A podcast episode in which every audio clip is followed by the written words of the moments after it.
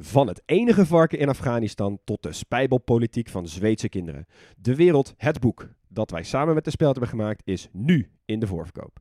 Het is de meest betrouwbare landengids der landengidsen. Het beste boek dat je nooit mag gebruiken bij je eindexamen. Ga naar grotepodcastlas.nl slash boek, bestel hem en dan heb je hem eind juni in huis. Voor je gaat luisteren, heel even dit. In de nieuwe podcast Veldheren neem ik, Jos de Groot, jou iedere donderdag mee voorbij de frontlijn in Oekraïne. Dat doe ik samen met generaals buiten dienst Peter van Um en Mart de Kruif. Zij hebben één duidelijk doel: aan jou uitleggen hoe oorlog werkt. Volg Veldheren in jouw favoriete podcast-app.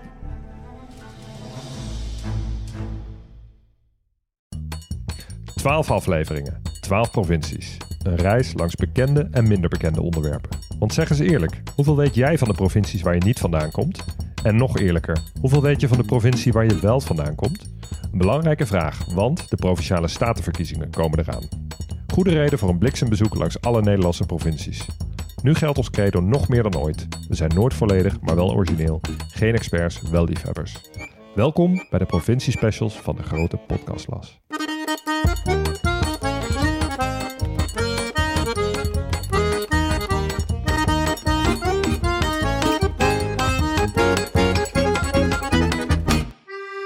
Deze provincie heeft het allemaal. De oudste steden, de mooiste natuur en de zwartste cross. Deze provincie geeft veel identiteiten op verschillende regio's. De Hoge Veluwe, de Food Valley, de Betuwe en natuurlijk de Achterhoek. Van Nijmegen tot Arnhem, via Banneveld naar Culemborg. Vandaag heet de grote podcastlas Oh welkom in de grootste provincie van ons land, Gelderland. Waar vuleo thuis? Nou, ik kom er vandaan, maar dat kan ik niet verstaan. nee, dat laatste ook niet. Dat daarvoor gaat wel. Daarvoor gaat wel, ja. Hey, en dank voor de welkom. Ik heb, eh, ik heb er weer zin in. Jullie? Ja, absoluut. Ja, Zeker. ook. Nou, jullie moeten er helemaal zin in hebben, want zijn, van jullie allebei is het de geboorteprovincie. Thuisprovincie. Dat ja. klopt. Eh, geboren en getogen. Maar toch is, is Gelderland nou niet echt een, eh, een provincie waar ik me heel erg sterk mee Voel je, heb ik wou net geïdentificeerd. zeggen, voel je enigszins, enigszins Gelderlander? Nee, het- Gelderland is, is ook weer zo'n provincie met een, denk ik, een tamelijk zwakke identiteit als provincie. eh, waar de, waar ja, mensen toch meer affiniteit hebben met hun regio of hun stad. Ja. Ja. Ik voel me Nijmegenaar. Ehm, Geen Arnhemmer. Nee, geen Arnhemmer, maar ook zeker geen Gelderlander. Nee. Heb jij dat ook, Max? Ja, heb ik ook. Ik, ja, ik eh, kom uit Wageningen. Dit is echt een beetje de zuidkant van de Veluwe. De Veluwe Zoom noemen ze dat dan, die, eh, die regio. Ja. Ja, en de Veluwe, daar identificeer ik me wel weer mee. Maar Gelderland niet echt. Nee, Nee. nee, ik kan me voorstellen. Maar het is wel een hele mooie provincie. En de grootste van Nederland. Ja, Ja. Hey. Ja, ja. Hey, ik wil nog even een, eh, een mailtje erbij pakken, jongens. Want ik heb natuurlijk eh, in de aflevering Friesland heb ik het gehad over Drachten. Nou, ik ben niet zo lief geweest voor Drachten. maar we kregen een mail van Thijs. En Thijs die woont daar. En die zei wel van, eh, ja, oké, nou ja, het is, het is inderdaad niet zo mooi. Maar het voordeel ervan wel is dat als ik ergens heen ga... dat het daar op die plek altijd mooier is dan thuis. Ja. Hij zei, ik heb er ook wel aanleg voor. Ja, hij heeft er wel aanleg voor, want eh, maar hij heeft ook zijn halve leven heeft hij in Almere gewoond. Dus ik denk dat we hem nog wel eens horen als hij eh, naar Lelystad verhuisd is of zo. Ja. Maar eh nou ja, goede mail, Thijs. Ja, en als je dat toch over dracht hebt, we hebben, dat is het mooie van deze afleveringen. Soms dan doe je een bijzin, dan, dan, noem je, eh, dan noem je iets en dan krijg je daar denk ik allemaal mails over of berichten over. Terwijl ja, je waarschijnlijk als grapje of als iets anders bedoel je dat. Maar ja, iedereen iets niet helemaal doordacht. Nee, maar mensen wonen er. Zo heb ik bijvoorbeeld eh, per ongeluk in Noord-Brabant heb ik Os een piepklein dorpje genoemd. Maar wat ik daarmee bedoelde is dat, ik, dat wij hen vergeten zijn ten opzichte van de vier grote steden te noemen. Zeg Ja. maar niet dat zij klein zijn, want het is helemaal geen klein dorp. En in dezelfde eh, manier hebben wij in Friesland, als je het toch hebt over Drachten, hebben wij Drachten een stad genoemd. Nou, alle Friesen natuurlijk op de achterste poten, want ja, het is niet een van de elf steden die Nee. we kennen van de tocht. Dus eh, stuur ze vooral op, tag ons op Twitter en op Instagram. We lezen alles, we reageren op het meeste. Eh, stuur ze gewoon op, we zijn niet vies van, eh, van een rectificatie hier en daar. Een kleine hand in eigen boezem. We zijn niet Ja. vies van een verzoek tot rectificatie hier en daar. ja. Mogen we zelf kijken welke prioriteit we daaraan geven. exact. Nou, we geven wel veel prioriteit aan het paspoortje van Gelderland, jongens. Dus daar gaan we. Gelderland is ehm, een, de grootste provincie van Nederland dus. En qua ligging is wel grappig. Ik heb geen idee hoe wij de volgorde van deze provincies hebben bepaald eigenlijk. Maar we hebben de noordelijke en de zuidelijke provincies allemaal al gehad. Ja. En we missen alleen nog die middenband. Oh ja, nu je het zegt. Ja, we hebben Noord-Holland wel gedaan, maar die reken je dan ook als noordelijk, denk ik. Ja, nou ja, Gelderland Ja. is de oostkant van die, van die middenband dus. Ja. Dus we beginnen even in het noorden, tegen de klok in. Grenzen ze aan, aan Overijssel. Nou, laten we dan ook niet flauw doen. Laten we zeggen Flevoland. Hè, daar liggen dat Veluwe meer en zo liggen daar tussenin. Ja, goed, wijk kan je zwaaien. Precies. Dan hebben we Utrecht, een klein stukje Zuid-Holland, Noord-Brabant en een klein stukje Limburg. Ja. Ja. Ik vind Gelderland altijd een beetje lijken op een sombrero. de vorm. Snap je? Heel breed van onder en dan heel Ja, een van... boven, ja. Een Ja. hele rare, rare vorm eigenlijk. Ja, het is een heel raar vorm. Bepaald niet de, de meest ronde provincie van Nederland. nee. Nee. Nou, ehm, ze zijn net zo groot als Trinidad en Tobago ongeveer. Nou, aantal inwoners iets meer dan 2 miljoen. Hoofdstad Arnhem. Grootste steden zijn Nijmegen, Arnhem en Apeldoorn. Ja. Grootste gemeente qua landoppervlak is Apeldoorn. En de kleinste gemeente, ehm weten jullie wat de kleinste gemeente van Nederland is? Uh, Tip jij ligt in Gelderland? Eh, Bronkhorst? Ja, Bronkers wilde ik ook misschien zeggen in de? Achterhoek. Nee, het is Westervoort. Oh, oké. Bij 7 Arnhem. vierkante kilometer, net zo groot als Gibraltar, alsjeblieft. Oké. Dan het college van gedeputeerde staten sinds 2019 is de VVD, CDA, GroenLinks, PvdA en de ChristenUnie. Breed. En de vlag is een kleurencombinatie die je niet zo vaak ziet. Want we hebben drie horizontale banen, donkerblauw, geel en zwart. Ja, En dan inderdaad. vraag ik jullie, noem eens twee landen met die kleur in de vlag. Oh, Barbados? Maar alleen die Oeh, kleuren? heel goed, hè, Leon. Barbados is die... Oh ja, eh. Alleen die kleuren? Ja, Jeetje. Show, nu zit andere ik ligt niet ver daar vandaan. Bermuda? Bijna, de Bahama's. Bahamas. Ah, oké. Ja.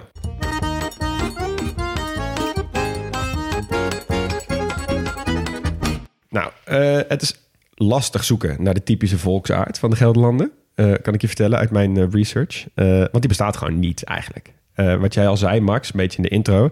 Je hebt de mensen van op de Veluwe die zich daarmee identificeren, zoals jij zelf. Ehm, die types die zijn vaak op zichzelf, op zoek naar rust en natuur en de- die omgeving.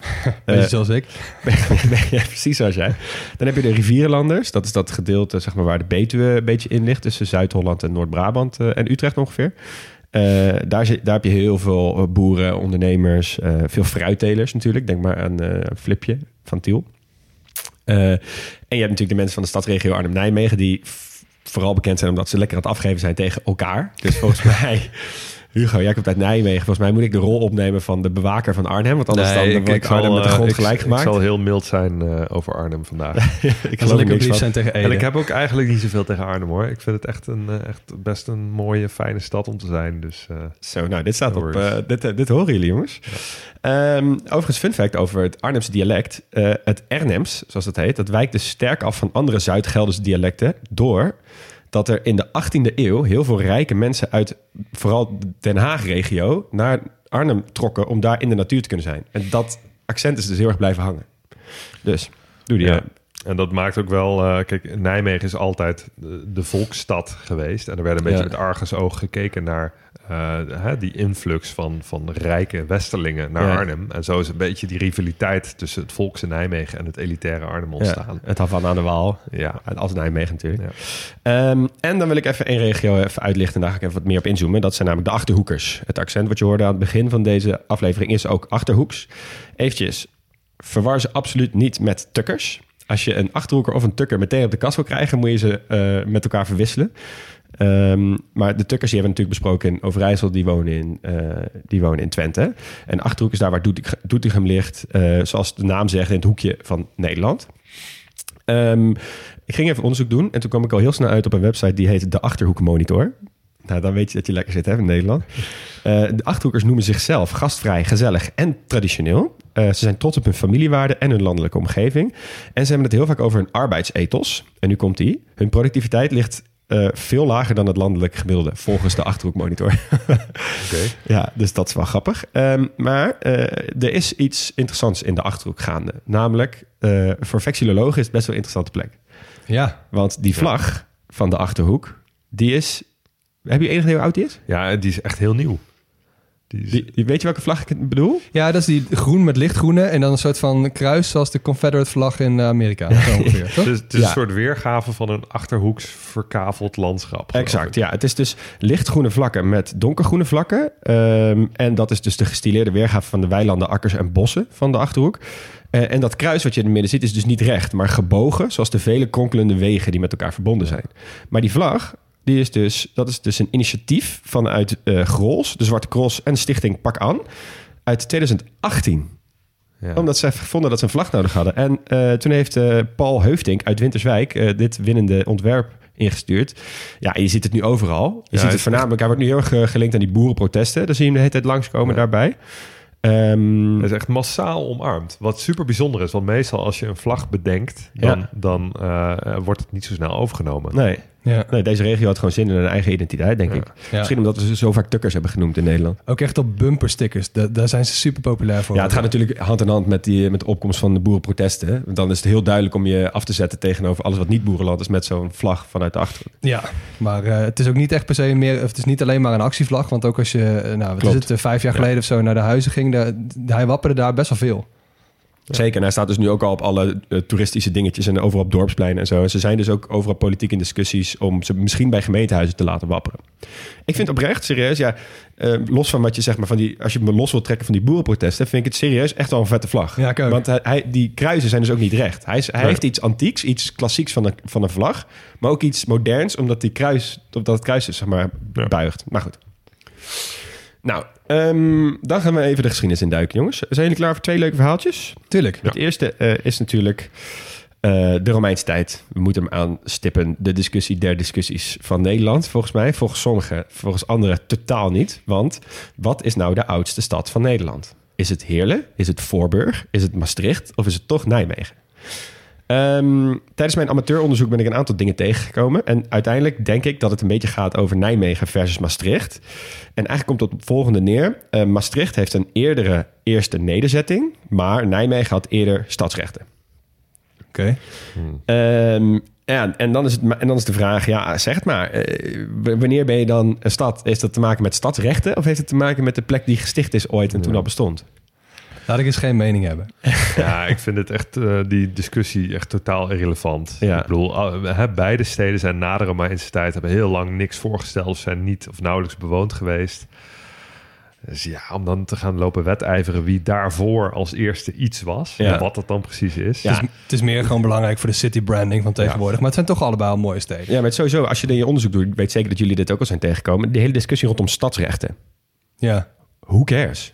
Ja niemand. Wat maakt het nou uit of je nou een stadsrecht hebt of niet? Ja. Dat maakt toch helemaal niks uit? Nee, Anno dat- 2023 vind ik dat inderdaad echt, echt een non-discussie. Verandert Of het nog iets in situatie Ik of niet? vind, ik, laten we gewoon dat eh, op een bepaald aantal inwoners zetten of zo. De, ja, de, de geografie heeft veel mooiere definities van wat nou een stad is dan het al dan niet hebben van stadsrecht. Precies. Laten, laten wij er als grote podcast hier een statement over maken. Fuck stadsrecht. Alright. Dan ga ik door met de geschiedenis van Gelderland, namelijk via de naam. Eh, die danken ze namelijk aan de Duitse stad Geldern. Die ligt over de grens. Eh, maar daar ligt wel de oorsprong van het graafschap en het latere hertogdom Gelre. En Gelre is eigenlijk heel interessant. Het is een hele brede, uitgebreide geschiedenis. Maar ik wil even inzoomen op één specifiek onderdeel.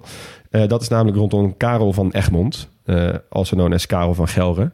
De hertog van Gelre tussen 1467 en 1538. Dus lang geleden. Dus, dus voor de Bataafse Republiek, voor al die, die provinciën, voor de VOC, dat geneuzel. En eigenlijk was Gelderland toen best wel biggie. Het hele hertogdom was echt groot. Als je naar een kaart kijkt, het is een beetje wat nu Gelderland is... plus nog hele delen van Duitsland en Noord-Limburg. Ehm, eh, en dat komt eigenlijk ehm, eh, door die Karel. Eh, hij werd op zesjarige leeftijd samen met zijn tweelingzus... door Burgondiërs gevangen genomen en in ballingschap opgevoed... door de dochter van Karel V. Die Karel V, dat is wel een belangrijke naam... want die, die gaan we denk ik nog wel tegenkomen... ook in de andere provincies die we gaan behandelen. Kan je ook nog een paar dagen herinner- geleden herinneren? Waarom heten ze allemaal Karel? Iedereen is Karel. Ja, nee, Karel van Egmond en Karel de Vijfde zijn dus twee verschillende types. Karel van Egmond is Karel van Gelre. Eh, maar goed, Karel die, die eh, keerde terug naar Gelderland eh, op 25-jarige leeftijd. Toen hij dus klaar was met zijn ballingschap. En hij werd meteen met grote vreugde binnengehaald door de bevolking van Gelderland. Maar hij was compleet blut. Al zijn panden en, en bezittingen waren verkocht. En het hertogdom zelf was ook in behoorlijk slechte staat. Maar toch koos Karel voor om te gaan strijden. En hij wilde zijn land terugveroveren. Ehm, en hij had heel veel geld nodig voor de opbouw van zijn leger. eh, en dat haalde hij op bij de bevolking. Maar die deed dat dus in, in, voor zover ik heb gelezen, met veel liefde. Toen nog, in het begin. Ehm, en uiteindelijk, twintig jaar na zijn terugkomst in Gelre... heeft hij weer een heel stuk veroverd. Mede door samen te werken met een andere grote naam... uit die vaderlandse geschiedenis, uit die regio. Maarten van Rossum. En bij Maarten van Rossum, dan heb ik het niet over die bronpot. Dan heb ik het over Maarten van Rossum, SSUM, van het Maarten van Rossum pad.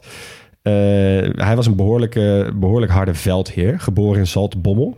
Die gast is echt insane. Als ik heb gelezen wat hij allemaal heeft gedaan. eh, best, wel, best wel harde manier van oorlogsvoeren. En hij heeft onder andere Arnhem, Renen, Utrecht en Den Haag eh, veroverd. En zijn lijfspreuk was... Blaken en branden is het sieraad van de oorlog. Nou, dan weet je wel met wat Ja. voor man je ongeveer te maken hebt. Ja. Eh, Karel was dus, Karel de, van Gelre was niet bepaald maatjes met de Habsburgers. En die waren toen in Nederland de baas. En eigenlijk was er toen een gigantisch gevecht tussen de Habsburgers eh, in, in wat we nu zien als Nederland en Gelre. Eh, en die strijd die heet ook de Gelderse oorlogen. En daar is eigenlijk best wel veel het een en ander beslecht. Ehm, want door goed te onderhandelen en bondjes te sluiten en creatieve oplossingen te verzinnen, wist Karel het gebied tot zijn dood uit handen van de Habsburgers te houden. Eh, en onder zijn leiding ontwikkelde bijvoorbeeld Arnhem zich eh, tot een hele belangrijke stad in de regio. Want hij liet ook de Rijn verleggen zodat hij langs Arnhem kwam. Nou, dat soort dingen deed hij allemaal. Eh, nou, later nam zijn macht af en aan het einde waren de burgers best wel klaar mee dat ze allemaal geld moesten betalen om die oorlogen te sponsoren. Dus toen kwamen ze tegen hem in opstand en op een gegeven moment is hij redelijk verbitterd gestorven. En een aantal jaar later was het ook het einde van het hertogdom Gelre. Ehm, in 1543 met de pacificatie van Venlo. Mooie naam hadden ze toen voor die dingen. Eh, en eh, dat hertogdom Gelre en het graafschap Zutphen... dat ging toen naar Karel V van de Habsburgers. En dat is dus uiteindelijk een best wel cruciaal moment geweest... voor de vorming van Nederland. Want daar, Ja. dat is de grens van Gelderland geweest Ja. eigenlijk.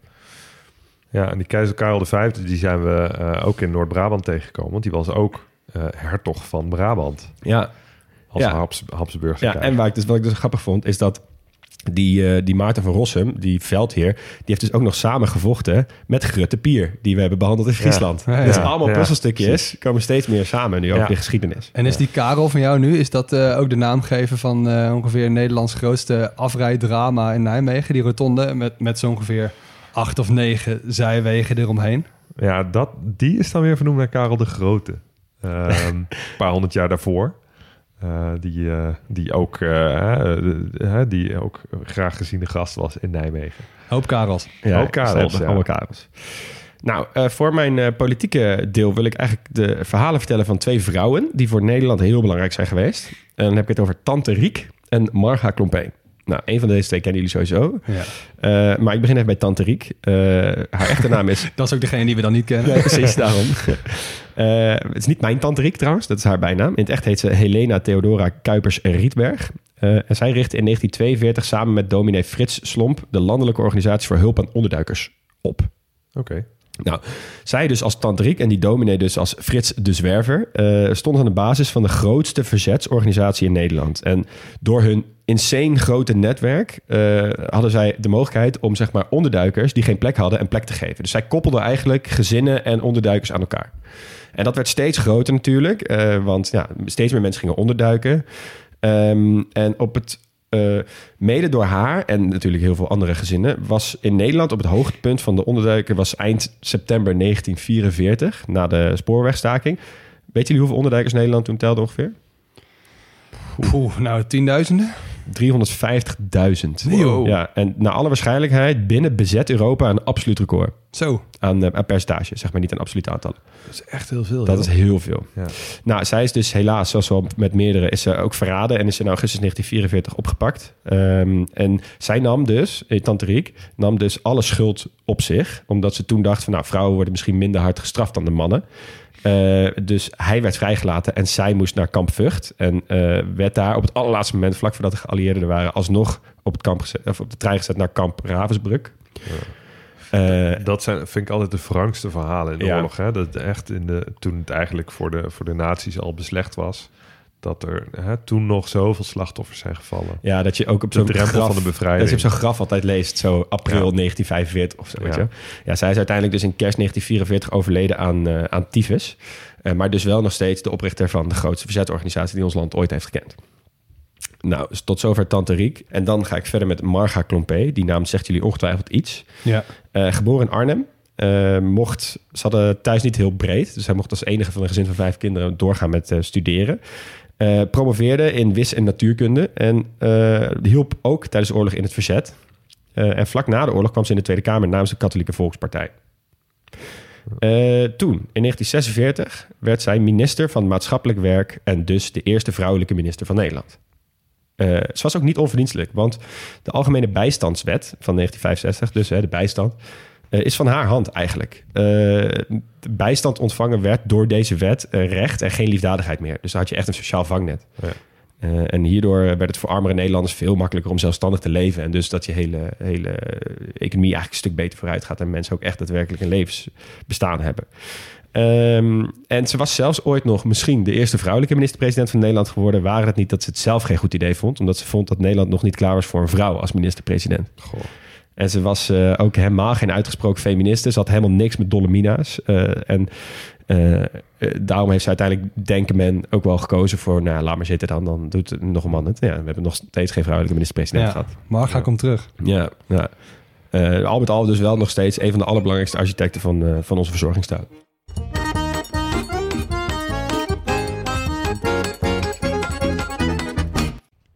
Stop de podcast. Je vakantiegeld komt eraan, dus het is tijd om jouw reis te boeken. En onze sponsor van vandaag heeft een dikke kortingscode. En die sponsor van vandaag is Sawadi, niemand minder. Dit is een reisorganisatie en vakanties zijn natuurlijk duur, dus dit aanbod is extra interessant deze tijd. Ik vind dat altijd een mooie organisatie, Sawadi. Ja, ja ik ook wel. En Ja. ze bieden verschillende soorten eh, groepsreizen aan. Eh, en vandaag gaan we het even hebben over die ze aanbieden aan de 22 tot 35-jarige backpackers. En dat zijn over het algemeen mensen die wel wat meer willen weten over het land dat ze bezoeken. En dus niet zomaar van A naar B die hotspots aflopen, busje in, busje uit. Ja, en het zijn ook mensen die het vaak leuk vinden in een groep eh, te reizen. En eh, die groepen die blijken ook heel snel vriendengroep te worden. Zowel tijdens de reis als daarna. Eh, mensen komen vaak nog heel, veel, heel vaak met elkaar terug, spreken af om te meeten en zo. En je kunt dus ook echt naar heel veel plekken op de wereld. Populair zijn op dit moment plekken als Zuid-Afrika, Marokko, Jordanië, Colombia, Nepal. Eh, maar bijvoorbeeld ook plekken die normaal gesproken niet altijd makkelijk te bereizen zijn voor, ik zeg maar wat, alleen reizende vrouwen. En dat zijn dan bijvoorbeeld plekken als India. Ja, en ze werken natuurlijk samen met lokale organisaties, niet met de grotere hotelketens. Eh, ze eten bij locals, eh, lopen rond met mensen die heel veel kennis hebben over de lokale gang van zaken. En daar komt de kortingscode om de hoek kijken. Want als je nu een 22 tot 35ers reis boekt, krijg je 100 euro korting met de code TGP100. En die code is geldig van 1 mei tot 16 juni. Ja, dus je moet wel een beetje op tijd boeken, maar hey, 100 euro korting op zo'n reis. moet je zou kijken dat- wat je er allemaal mee kan ik doen. zou dat toch altijd even proberen om TGP 200 in Ja, te voeren. ja, ja, ja, ja. ik misschien. Ja. Ja, ik Anyway, 100 is ook al super mooi. Zeker. En bij Saudi, het reizen is heel makkelijk. Er is heel veel keuze en het is dus ook heel gezellig. Saudi, met wie ga jij op reis? Terug naar de podcast.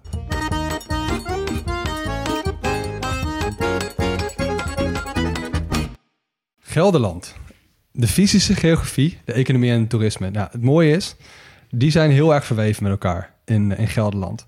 Dus ik ga het ook even over die streken hebben waar jij net mee begon, Leon. En ook iets minder over de steden. Ehm, ik pak dat onderzoek hè, van eh, INO Research, waar we het pas even eh, over hadden. Over de provinciale trots pak ik er even bij. En, en Gelderlanders die moeten noemen wat, wat zij trots maakt.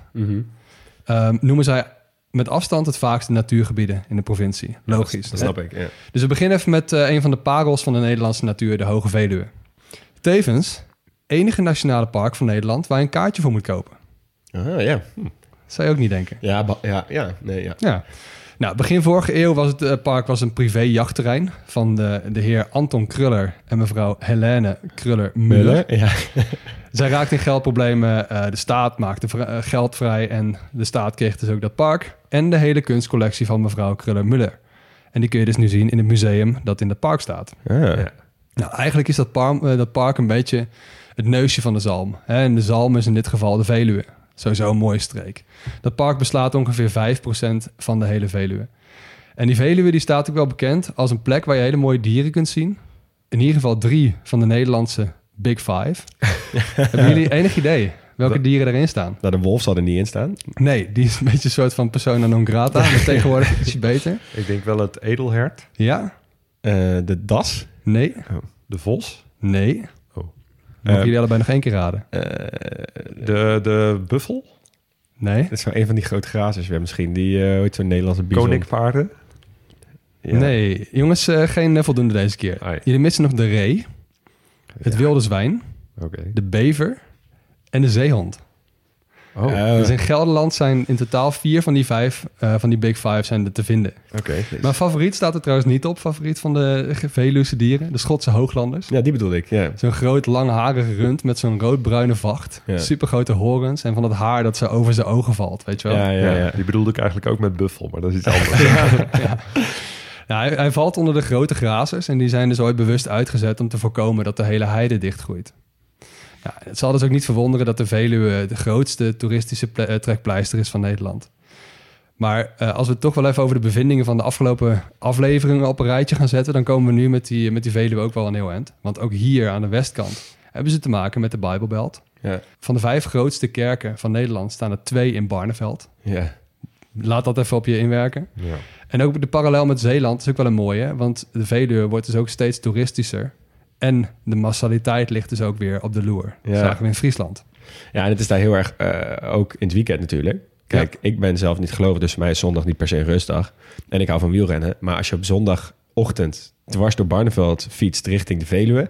nou, dan word je niet altijd even vriendelijk aangekeken. Nee, precies. Ja, veel recreanten, eh, traditionele bevolking, dus dan, dan krijg, je, dan krijg je moeilijkheden. Ja. Ja, zo erg is het lang niet altijd, maar het is wel iets waar, eh, waar ze wel op letten daar. En dus iedereen, eh, iedereen wilde iets van de Veluwe. Niet alleen de mens, want ook de wolven is een kijkje komen neden- nemen in Nederland. En de Veluwe is een van de belangrijkste plekken van de wolvenpopulatie in Nederland. Het zijn er wel echt maar een handvol, hè. Ja. Op zich, als je kijkt naar de, de schaapjes die af en toe eh, opgegeten worden door die wolf... dat is voor de houders natuurlijk niet zo fijn. Eh, en zelfs de links is tegenwoordig ook in de buurt. Er staat dan, die staat aan de grens, hè, nog net in Duitsland, alsof het een soort invasie is. Maar misschien hebben we ook uitzicht op de, dat de links tegenwoordig een keer in Nederland eh, komt kijken. ja, en bij die wolven is het inderdaad wel goed om te zeggen dat... er wordt natuurlijk heel heisa, heisa omgemaakt. Maar uiteindelijk, zeg maar, de impact van die wolf is relatief klein. Eh, mensen denken altijd van, oh ja, de wolf is in Nederland... die gaat nu mensen en schapen aanvallen. Maar Ja. volgens mij is het idee gewoon, als je een wolf ziet... geniet gewoon van het moment dat je een wolf ziet. Want die kans is vet klein. En Ja. dan gaat je het waarschijnlijk toch niks doen. Als recreant is dat natuurlijk zo wel Ja. zo. Maar ik vind het ook altijd wel een beetje gek dat we heel Nederland natuurlijk zo hebben volgepland... eh, dat een wolf, die past daar dan niet meer of zo. Dat is dan een probleem. Ja, inderdaad. Ja. Ja, goed. In ieder geval de Achterhoek ook even noemen. Want eh, daar gaan ook wel veel mensen heen om te genieten van het landelijke karakter en het coulissenlandschap. Een beetje zo'n zo'n afwisselend half open landschap met kleine, eh, hele kleinschalige, eh, onregelmatige weiden. Die worden gescheiden door heggetjes en muurtjes. Af en toe zo'n bosje, zo'n dorpje. Ja.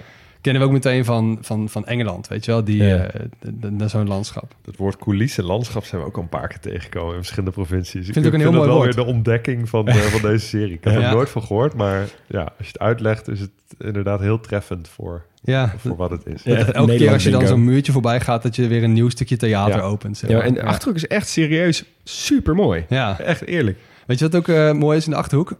Regio Vorden. Eh, heel klein dorpje met heel bijzondere gebouwen, want er staan acht kastelen.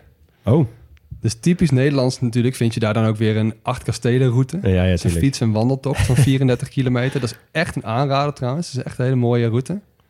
En als je het dan toch hebt over wandelen of fietsen. eh, ik beroep me even op- de wandelmonitor van 2021. Als ik zeg dat Gelderland met afstand de, de populairste wandelprovincie van Nederland is. Ja, dat geloof ik. Toch de puurste vorm van toerisme eigenlijk. Hè? Gewoon gaan lopen. Ja, ja. En Nederland technisch is dat natuurlijk ook weer tot, echt, tot in de puntjes uitgedacht. Dus denk aan die lange afstand wandelroutes, de LAW's. ja. Ehm, het is ook dus geen toeval dat het bekendste pad daarvan, Pieterpad, ook dwars door Gelderland gaat. Ja, ja van, van Pietersberg naar Pieterburen. Ja. Allebei niet genoemd trouwens.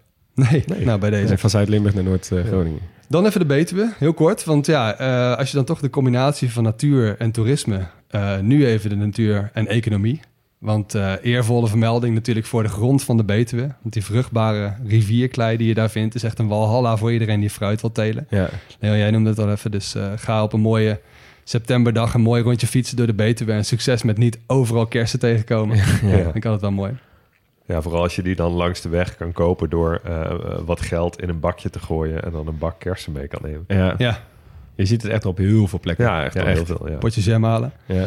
En voor het mooiste ehm, voorbeeld van natuur en economie gaan we eventjes naar de regio waar de Universiteit van Wageningen een hoofdrol speelt. In een hele mooie publiek-private samenwerking, de Food Valley. Denk even wat ASML voor de Brainport is, zeg maar. Dat is de universiteit voor, eh, voor, de, voor de Food Valley. Weer een mooi staaltje industriepolitiek. hè, waar echt op eh, geïnvesteerd wordt. Ja, vanuit overheid en eh, beleid wordt gemaakt. Ja, Ja. en dus ook in samenwerking met private bedrijven. ja, vind ik wel mooi. Ja. Ik, oh, ik introduceer even de naam eh Sikko Mansholt. Kennen jullie hem? Ja, van naam wel. van maar naam wel. Iemand waar we eigenlijk te weinig aandacht aan besteed hebben en die ook iets te weinig bekendheid geniet. Van huis uit was hij een socialist, eh, werd ooit minister van Landbouw, Visserij en Voedselvoorziening, net na de oorlog. Een Nederlander at toen gemiddeld op een dag 617 calorieën. Wow. En zijn levenswerk was eigenlijk zorgen dat we genoeg te eten zouden hebben als Nederlanders. Ja. Nou, hij deed dat door radicale schaalvergroting. Dat lukte dus ook. Eh zijn we als Nederland heel lang trots op geweest. En hij kreeg ook een eredoctoraat in Wageningen. eh, en schopte het zelfs tot de Europese Commissie. En was een van de geestelijk vaders van het Europese landbouw, eh, landbouwbeleid. Met de subsidies. Ja. Maar op latere leeftijd begon hij spijt te krijgen. Hij las eh, Grenzen aan de Groei van de Club van Rome. Ja. En hij begon ook wel in te zien dat we regelrecht op een catastrofe afliepen. Dus hij kreeg diepe spijt. En dat heeft hem heel veel hoon, maar ook heel veel respect opgeleverd. Van, het was wel iemand die echt ergens verstond. Maar hij kon het tij niet keren. En dat zijn ze dus nu in die Food Valley wel aan doen. Dus het idee is, eh, Wageningen was natuurlijk vroeger een landbouwuniversiteit. Is nu gericht op life sciences. Heel gespecialiseerd. Dus in die categorie is het echt wereldklasse. En er zit dus ook voeding bij. Dus met, door samen te werken met, eh, met de omliggende regio, hè, dus de Gelderse Vallei, dan kunnen ze een hele mooie brug slaan tussen onderzoek, innovatie en de toepassing in de echte wereld. Zij noemen het zelf het kennisintensieve agri- agri-food ecosystem van Nederland. Klinkt super sexy. Ja.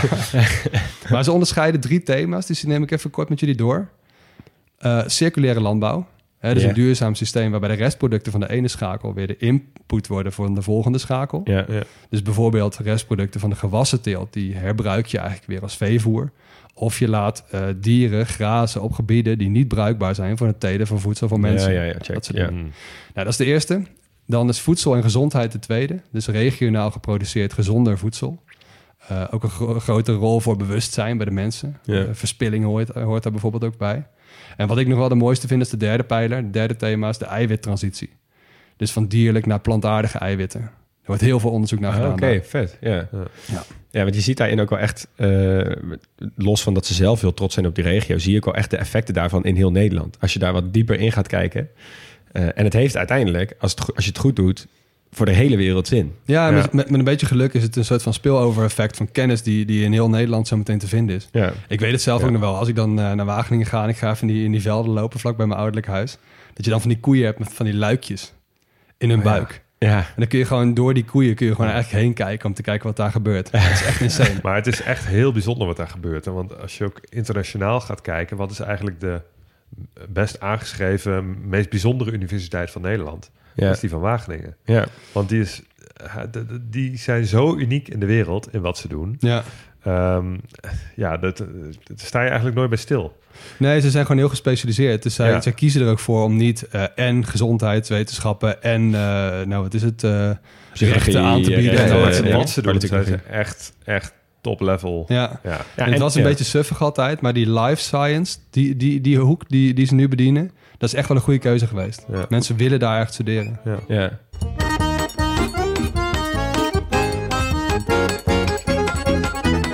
Gelderland is een provincie eh, eh, waar je vooral heel goed naar kunst kan kijken als we het hebben over kunst. En het heeft na Noord- en Zuid-Holland de meeste musea van alle provincies in Nederland. Eh, Max, je noemde al het Krullenmullen Museum, maar er zijn er dus nog heel veel meer. Ehm, en ik pak er even een paar uit waarvan ik denk dat onze luisteraars daar wel bovengemiddelde interesse in hebben.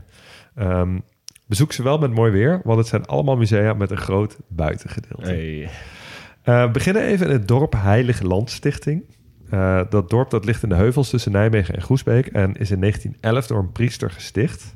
Eh, het werd een, een katholiek centrum met kerken en een park waarin plaatsen uit het Heilige Land, dus Palestina, werden nagebouwd.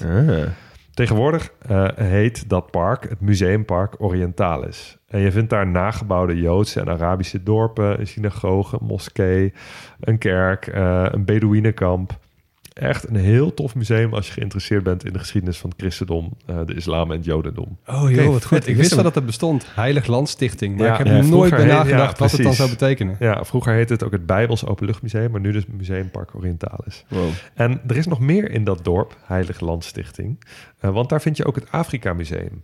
En dat is ook een heel eh, bijzonder museum in, eh, in Nederland. Eh, ook dit werd opgericht door katholieken die missies uitvoerden in Afrika en tijdens die missies voorwerpen verzamelden. Dus je vindt er heel veel Afrikaanse kunst, maar er is ook veel aandacht voor Afrikaanse architectuur. Ehm. In het buitengedeelte zijn hele Afrikaanse dorpen en gebouwen nagebouwd. Eh, uit Ghana, Cameroen, Lesotho, eh, Benin, eh, Mali, eh, Zimbabwe. Dus echt uit heel veel streken van, eh, van eh, Afrika. We zijn er Ehm, echt vaak geweest. Ja? Ja, ik, ik, ben ik ken het ook goed. Maar ik vond het echt tof van die leme huizen... die Ja. ze gewoon echt op ware schaal hebben nagebouwd. Ja. Dat is wel echt eh, lastig qua naam. Want eh, in Bergendal, in de buurt van Nijmegen, heb je ook een Afrika museum. dat is deze. Oh, dat is deze? Dit is, ja, dit is gemeente Bergendal. Oh, oké. Sorry. Oké, ja. Ehm, er is ook wel wat discussie over dit museum. Want eh, er zou ook roofkunst zijn. Nou goed, hè, dat kan je een beetje wel aanvoelen komen... als daar het katholieke missionarissen eerder Ja. in de 20e eeuw zijn geweest. Eh, maar het museum is wel bezig om, te- om dat te onderzoeken... en wil al die roofkunst teruggeven aan de landen van herkomst. Nou, het bekendste openluchtmuseum waar ik jullie even eh, naar wil toenemen... is het Nederlands Openluchtmuseum in Arnhem. Als je eh, warm bent geworden van de provinciespecials... dan is dit museum Ja. wel echt de plek waar je moet zijn. ja. Want Hier komt alles samen. ja, er is, zoveel, er is superveel aandacht voor eigenlijk de hele manier van leven... in alle uithoeken van Nederland, in allerlei verschillende periodes... Eh, er is een Zaans dorpje nagebouwd, een stukje Amsterdamse Jordaan, eh, verschillende soorten boerderijen. En ehm, eh, ja, gewoon echt, echt super de moeite waard. Ja, en je- er is ook genoeg te doen. Je kan boogschieten en zo. Ja. En eh, weet ik Ja. veel, melkkarren en, Ja. weet ik wat voor shit ze allemaal in Nederland deden vroeger. Ja, echt een waanzinnig museum. Ja, Ja. heel leuk. Die, ja, sowieso openluchtmusea, echt top. Weet je wat mijn favoriet is daar? Dat is echt heel leuk. Heb je drie van die kleine huisjes naast elkaar. En daar hebben ze modelwoningjes van gemaakt van de jaren 60. Oh nee, 50, 60 en 70. Oh ja. Dus dan kun je dan gewoon je één deurtje veranderen. verderop. En dan zie je inderdaad Ja. ook gewoon het interieur veranderen en zo. Ja, mooi. Vet Ja, mooi. En ik wil ook nog een lans breken als we het toch over het Openluchtmuseum hebben. Namelijk, je hebt daar ook de tentoonstelling van het kanon van Nederland. Ja, En het Klopt. kanon van Nederland heb ik ook flink geraadpleegd tijdens het onderzoek van die, eh, Ja. van die provincies. Ja, ik ben er heel lang geleden geweest. Ik zou er echt nog wel weer een keer naartoe willen. Was ik echt een klein kind. Ja. Nou, dan over naar muziek. En ehm, wat voor kunst geldt, geldt eh, eh, voor beeldende kunst, geldt ook voor muziek. Want ook hier biedt Gelderland heel veel plekken die je kan bezoeken om naar muziek te luisteren. Denk aan Appelpop in Tiel, het Bevrijdingsfestival in Wageningen. Allerlei festivals en concerten in het Gofferpark in Nijmegen en het Gelderdoom in Arnhem. Ehm, maar de grootste in dit rijtje zijn een beetje crossover tussen muziek en sport. Eh, namelijk Ah, eh, eh, de Nijmeegse Vierdaagse en de Zwarte Cross. En we gaan hier dus het kunst- en het sporthoofdstukje een beetje aan elkaar rijgen. En we beginnen even met de, met de Vierdaagse en de bijbehorende feesten. Ehm, de Vierdaagse, dat is de grootste meerdaagse wandeltocht ter wereld. Oké. Ehm, de eerste editie is gehouden in 1909. Oh. Dus al best wel oud. Het was oorspronkelijk vooral bedoeld voor militairen om hun conditie op peil te houden. Er werd gestart vanuit verschillende kazernes in heel Nederland. En het eindpunt lag in Nijmegen. Nee, Breda. in, eh, in 1910, eh, dus een jaar later, bleek het organisatorisch niet zo heel handig om verschillende startpunten te hebben. Eh, dus startten alle lopers op één plek, namelijk in Breda. Arnhem. We hebben nog veel te leren hier. en in 1913 lag het eindpunt voor het eerst in Nijmegen. En vanaf 1925 pas werd er ook in Nijmegen gestart. En sindsdien eh, is het dus echt de Nijmeegse Vierdaagse en wordt er alle dagen rondom Nijmegen gelopen. Ehm, in de loop der tijd gingen er naast militairen ook superveel eh burgers meedoen, ook uit verschillende landen. Maar het heeft nog steeds wel een beetje militair karakter. Het Vierdaagse kruisje, wat je wint als je hem uitloopt bijvoorbeeld, dat is ook een officiële Nederlandse onderscheiding. Oh ja. Dus dat mag een, een militair op zijn uniform dragen. Hm. Nou, ik ben als Nijmegenaar natuurlijk eh, opgegroeid met de Vierdaagse. Zeker omdat ik op de Sint-Anna-straat woonde. De Ja. Via Gladiola. ja, de laatste De straat, waar van de intocht. Ja. Toen ik op de middelbare school zat, verhuurde ik met vrienden eh, eh, kamers in ons huis aan eh, eh, lopers uit alle windstreken. Want er zijn natuurlijk veel te weinig hotels in Nijmegen. Oh, dat is leuk. Dus dat, dat doen kinderen in Nijmegen vaker. En we speelden dan een week hotelletje en mochten de inkomsten houden als vakantiegeld. Het ging niet om veel Ja. geld, we vroegen heel weinig. Was je dan ook gewoon pap voor ze aan het koken en zo? Ja, ja, nou ja, het was altijd een superleuke formule. Want zodra de lopers gingen slapen, eh, vaak om tien uur s'avonds, gingen wij de stad in voor de Vierdaagse feesten. Ja, ja, ja, En ja. als wij dan om een uur of vier 's ochtends weer terugkwamen, dan maakten we de lopers wakker, verzorgden we ontbijt, maakten we lunchpakketten voor ze. En daarna doken we in hun bed Oh. om onze roes uit te slapen. En als wij eh, wakker werden, kwamen die lopers weer thuis, gingen we eten koken en zo. En dat was eigenlijk het ritme van de hele week. Precies Oh, het wat tegenovergestelde ritme. Wat goed. Ja. Ja. Graag geziene gast op de Vierdaagse is de Nijmeegse zanger Frank Boeien. Eh, ik ben enigszins bevooroordeeld, maar wat vinden jullie van Frank Boeien? Boeien. Ik heb geen idee.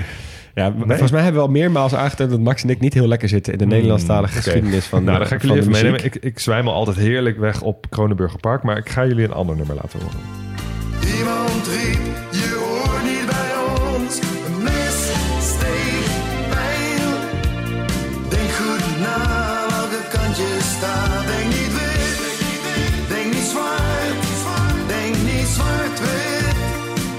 Ja, dit is wel een mooi liedje dit. Ja.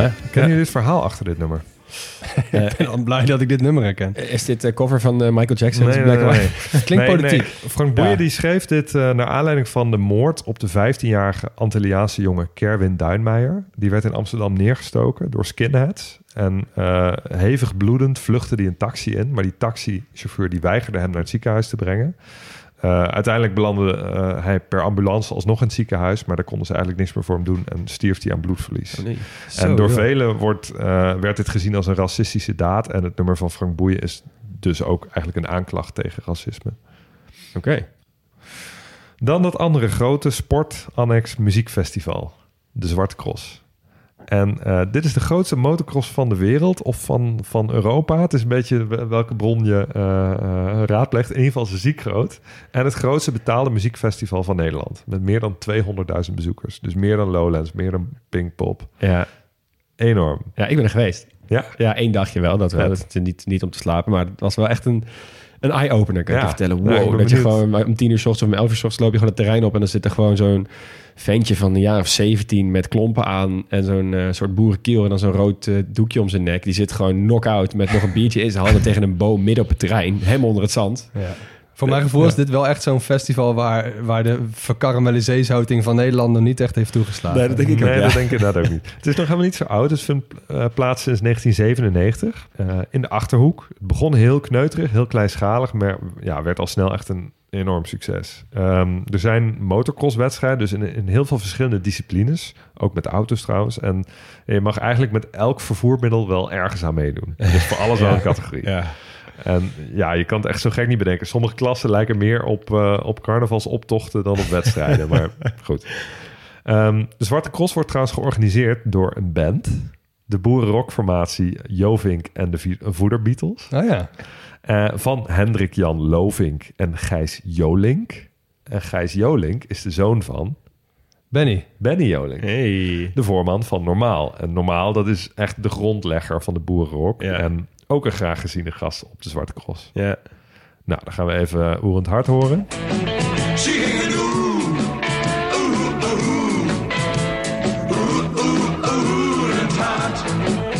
Ehm, ja, dit is dus zo'n mooi voorbeeld. Als je dus dit hoort ergens in de kroeg en je zegt... dit is echt een mooi volkslied van Twente. En dan kijken wie er reageert en boos op je wordt. Ja, dan heb je de Achterhoekers eh, flink op de kast. ja, de grote kans dat je een vuist hier gezicht hebt, ja. De vraag of eh, de Zwarte Cross nou meer een, een motocross of een eh, muziekfestival is, is best een lastige. Maar de unieke sfeer van de Zwarte Cross... ehm, ik heb eens even zitten kijken op de pagina met veelgestelde vragen op de website van de Zwarte Cross. En die sch- omschrijft die sfeer eigenlijk heel mooi. Een van de vragen is namelijk... Stel, ik ben een extreemrechtse fascist, heb nul humor... of ben een boer die alleen ladder zat met bier wil gooien en dingen wil afbreken. Mag ik naar de Zwarte Cross? en het antwoord dat ze daarop geven is... beter van niet. Je past niet bij ons open-minded gedachtegoed... zal de flauwe en sarcastische grappen op ons festivalterrein niet snappen... en bent onbekend met Achterhoeks noorberschap. Wij zijn een inclusief festival, gaan normaal met elkaar om en elkaar spullen... en lachen graag samen met elkaar terwijl we er een fijn koud biertje bij drinken. Vandalisme en onzedelijk gedrag worden ook streng aangepakt op ons festival. Die pagina met veelgestelde vragen is sowieso wel echt een aanrader. met vragen als, mag ik met mijn boldercar naar binnen? en stel, ik ben mijn cavia trimset verloren, wat nu? Nice. Ga je deze ook even als tipje op de website zetten? Ja, zal ik zeker doen bij deze. Ehm, ja, oh ja, eh, als je afvraagt waar is het hoofdstukje keuken gebleven? Nou, dan moet je even naar de aflevering over Rijssel luisteren. Want eh, ja, daar heeft Max de Gelderse keuken al uitgebreid behandeld. Door te spreken over het bier en de limonade natuurlijk van Grols. En vele oplettende luisteraars eh, wisten ons te melden dat Grols oorspronkelijk niet uit Enschede komt, maar uit Grolle, oftewel Groenlo. Ja. Oepsie. Achterhoek dus, en dus Gelderland. Is dat bij deze rechtgezet.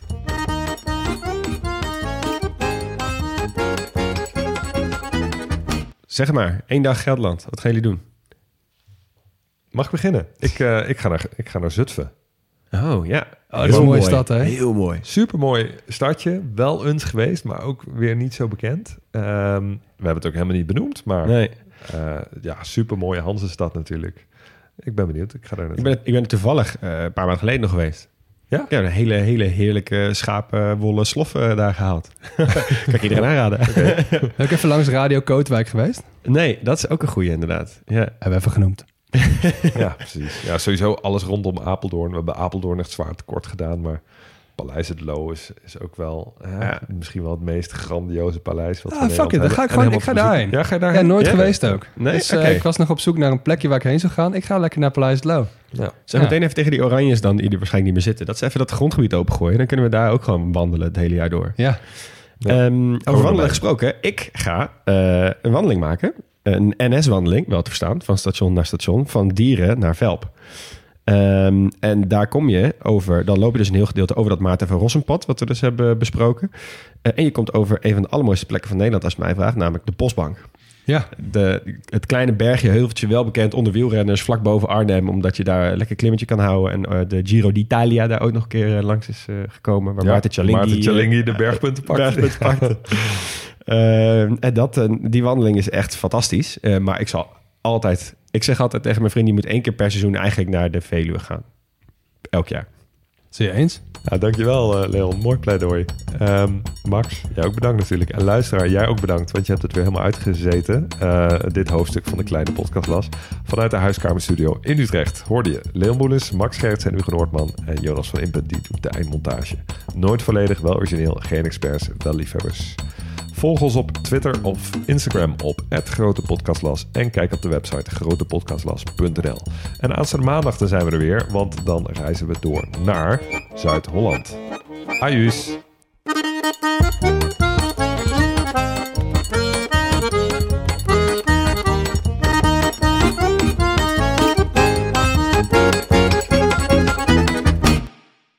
Luisteraar. Luister je nog steeds? Klasse, man. Je hebt er gewoon helemaal afgeluisterd. Nou, nu je tot hier bent gekomen, koop dan ook gelijk even ons boek, hè. grotepodcastlas.nl slash boek. Doei!